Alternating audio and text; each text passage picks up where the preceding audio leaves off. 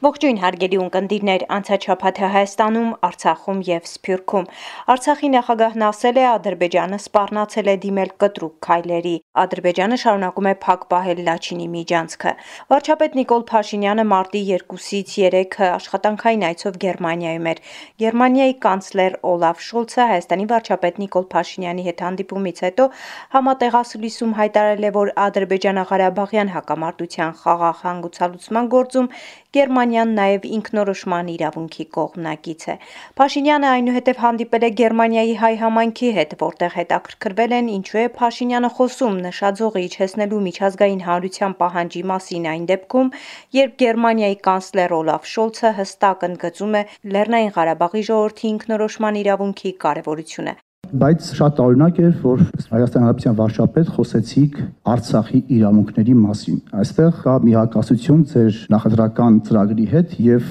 ընդհանրապես ձեր քաղաքական թիմը, որը միշտ օգտագործում է իրավունքներ եւ չօգտագործում այս սկզբունքը միջազգային իրավունքը, որ կա ազգային ինքնորոշման իրավունքը։ Իրականում ոչ մի հակասություն չկա։ Խնդիրն այն է, թե մենք ինչ հերթականությամբ պիտի այդ ամենը դասավորենք։ Շատ դեպքերում հնչում են շատ պոզիտիվ հայտարարություններ, մենք պետք է գնահատենք դրանք ինչ են նախկինում նշանակել գործնականում, այսօր ինչ են նշանակում գործնականում եւ վաղը ինչ են նշանակելու գործնականում։ Հայ համայնքի հետ հանդիպման մյուս թեմաները հաղորդման վերջում։ Երևանում բացվել է 2008 թվականի մարտի 1-ի զոհերի հիշատակը հավերժացնող հուշարձան։ Նախագիծն իրականացվել է Հայաստանի կառավարության միջոցներով Երևանի քաղաքապետարանի կողմից ու ավականու որոշմամբ։ Հուշակոթողի բացման արարողությանը մասնակցել են Հայաստանի վարչապետ Նիկոլ Փաշինյանը, նախագահ Վահագն Խաչատուրյանը, այլ պաշտոնյաներ, զոհերի հարազատները։ Հայաստանում ընտրություններ կեղծելն արդեն իսկ շրջված էջ է, որին այլևս վերադարձ չի լինելու, ասել է վարչապետը։ Չնայած Մոսկվայից ու Բրյուսելից հնչող այն պնդումներին, նաև Հագայի դատարանի որոշմանը Արցախի կյանքի ճանապարհը դեռ փակ է։ Միավորված ազգերի կազմակերպության միջազգային դատարանի վճռին չենթարկվելու փաստը չի մոռացվի ազգային ժողովի նախագահ Ալեն Սիմոնյան։ Մենք մաքսիմալ միջազգային բոլոր ակցիաներում օգտագործելու ենք այդ որոշումը, ինչպես նաև այլ որոշումներ են լինելու եւ կարող եմ ասել, որ միջազգային առումով բավականին մեծ հաջողություններ են գրանցում եւ շարունակելու ենք այդ ուղղությամբ աշխատել։ Իմ գնահատմամբ Լաչինի միջանցքի փակումը ավելի մեծ վնաս պատճառեց Ադրբեջանին, քան Հայաստանին եւ Արցախին քաղաքական առումով Այո, մենք դուժեցինք, այո, մենք ծանր ենք տանում, այո, մեր հայրենակիցները փակված են, այո, մենք խնդիրներ ունենք, բայց քաղաքական առումով Ադրբեջանը իմ գնահատմամբ հայտնվել է փակուղու մեջ եւ մեր ժողովուրդը, Արցախի ժողովուրդը դիմանալով պետք է այս քաղաքական ամբողջ բանը օգտագործել Հայաստանի եւ Ադրբեջանի միջև քննարկվող խաղաղության պայմանագրի որոշ կետերի շուրջ կա փոխհմբռնում ազգային ժողովի նախագահ Ալեն Սիմոնյանի խոսքով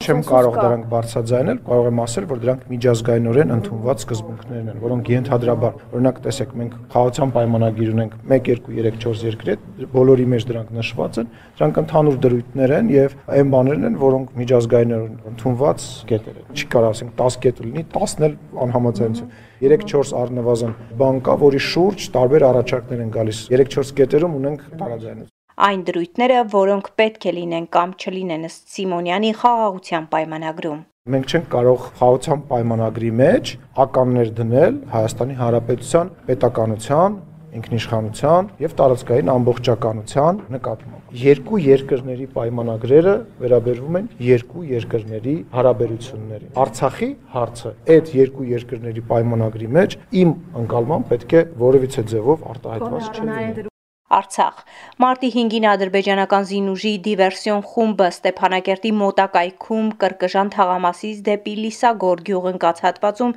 թիրախավորել եւ կրակ է արձակել Ստեփանակերտից հերթափոխի մեկնած ոստիկանության ազնագրային եւ վիզաների վարչության ազնակազմի հերթափոխի մեքենայի վրա, ինչի հետևանքով զոհվել է ոստիկանության 3 եւ վիրավորվել 1 աշխատակից։ Արցախում տեղակայված ռուսական խաղաղապահ զորակազմի հրամանատարության միջնորդությամբ եւ մասնակցությամբ կայացել է Արցախի եւ Ադրբեջանի պաշտոնական ներկայացուցիչների հերթական հանդիպումը, տեղեկացրել է Արցախի նախագահի մամուլի խոսնակ Լուսինե Ավանեսյանը, պարզաբանելով, որ քննարկվել են հումանիտար եւ ենթակառուցվածքային բնույթի հարցեր, Ռուս խաղաղապահ զորախմբի հրամանատարության միջնորդությամբ Արցախի եւ Ադրբեջանի ներկայացուցիչների եւս մեկ հանդիպում կայացել էր փետրվարի 24-ին։ Արցախի նախագահ Արայք Հարությունյանը անվտանգության խորհրդում մանրամասներ է ներկայացրել ադրբեջանական կողմի հետ մարտի 1-ին կայացած հանդիպումից։ Ըստ նրա, քանի որ արցախյան կողմը չի ընդունել ինտեգրացիայի գնալու առաջարկը, Բաքվի ներկայացուցիչը փոխանցել է, որ լինելու են ավելի կոշտ եւ կտրուկ քայլեր։ Ադրբեջանի ներկայացուցիչը փորձել է բարձրաձայնել քաղաքական թեմաների քննարկում եւ օգտագործել է մի բառ ինտեգրացիայի բառը, որից հետո մեր պատվիրակության ղեկավարը պարոն Շահրամանյանը կանխել է ձևակերպում եղել է ասպես եթե պիտի քննարկենք քաղաքական թեմա դա պետք է լինի ադրբեջանի կողմից արցախի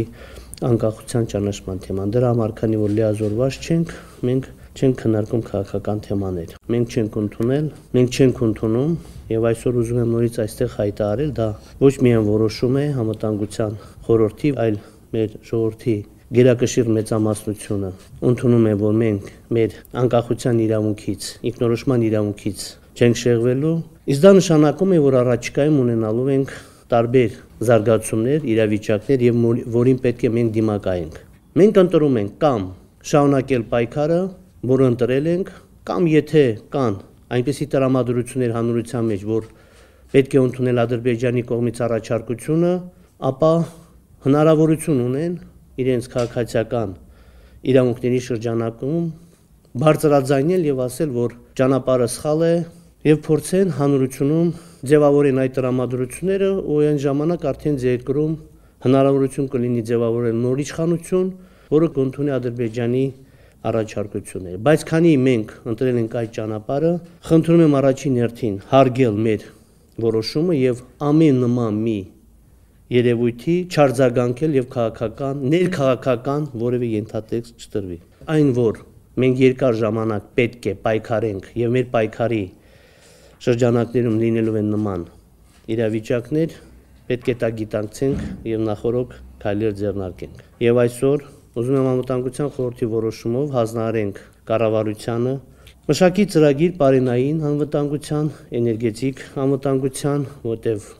մենք բոլոր սցենարները պետք է հաշվարկենք։ Սփյուռք Այս բաժնում վարչապետ Նիկոլ Փաշինյանի Գերմանիայի հայ համայնքի հետ հանդիպման մանրամասներից հանդիպումը աշխատանքային այցը ավարտվել է տեղի հայ համայնքի ներկայացուցիչների հետ հանդիպման իր վարչապետն ամփոփելով Գերմանիա այցը նշել է, որ այն համարում է արդյունավետ։ Հանդիպման ընթացքում վարչապետը պատասխանել է ներկաների մի շարք հարցերի, որոնք վերաբերվել են Ադրբեջանի կողմից Լաչինի միջանցքի ապօրինի շրջափակման հետևանքով Լեռնային Ղարաբաղում ստեղծված հումանիտար ճգնաժամին տարածաշրջանում տեղի ունեցող գործընթացներին եւ այլ թեմաների։ Խոսելով Ադրբեջանում պահվող հայ գերիների վերադարձի ուղղությամբ, Փաշինյանն ասել է, որ պետք է անել ամեն ինչ, որ միջազգային հանրությունը շարունակի այս արձանագրումները։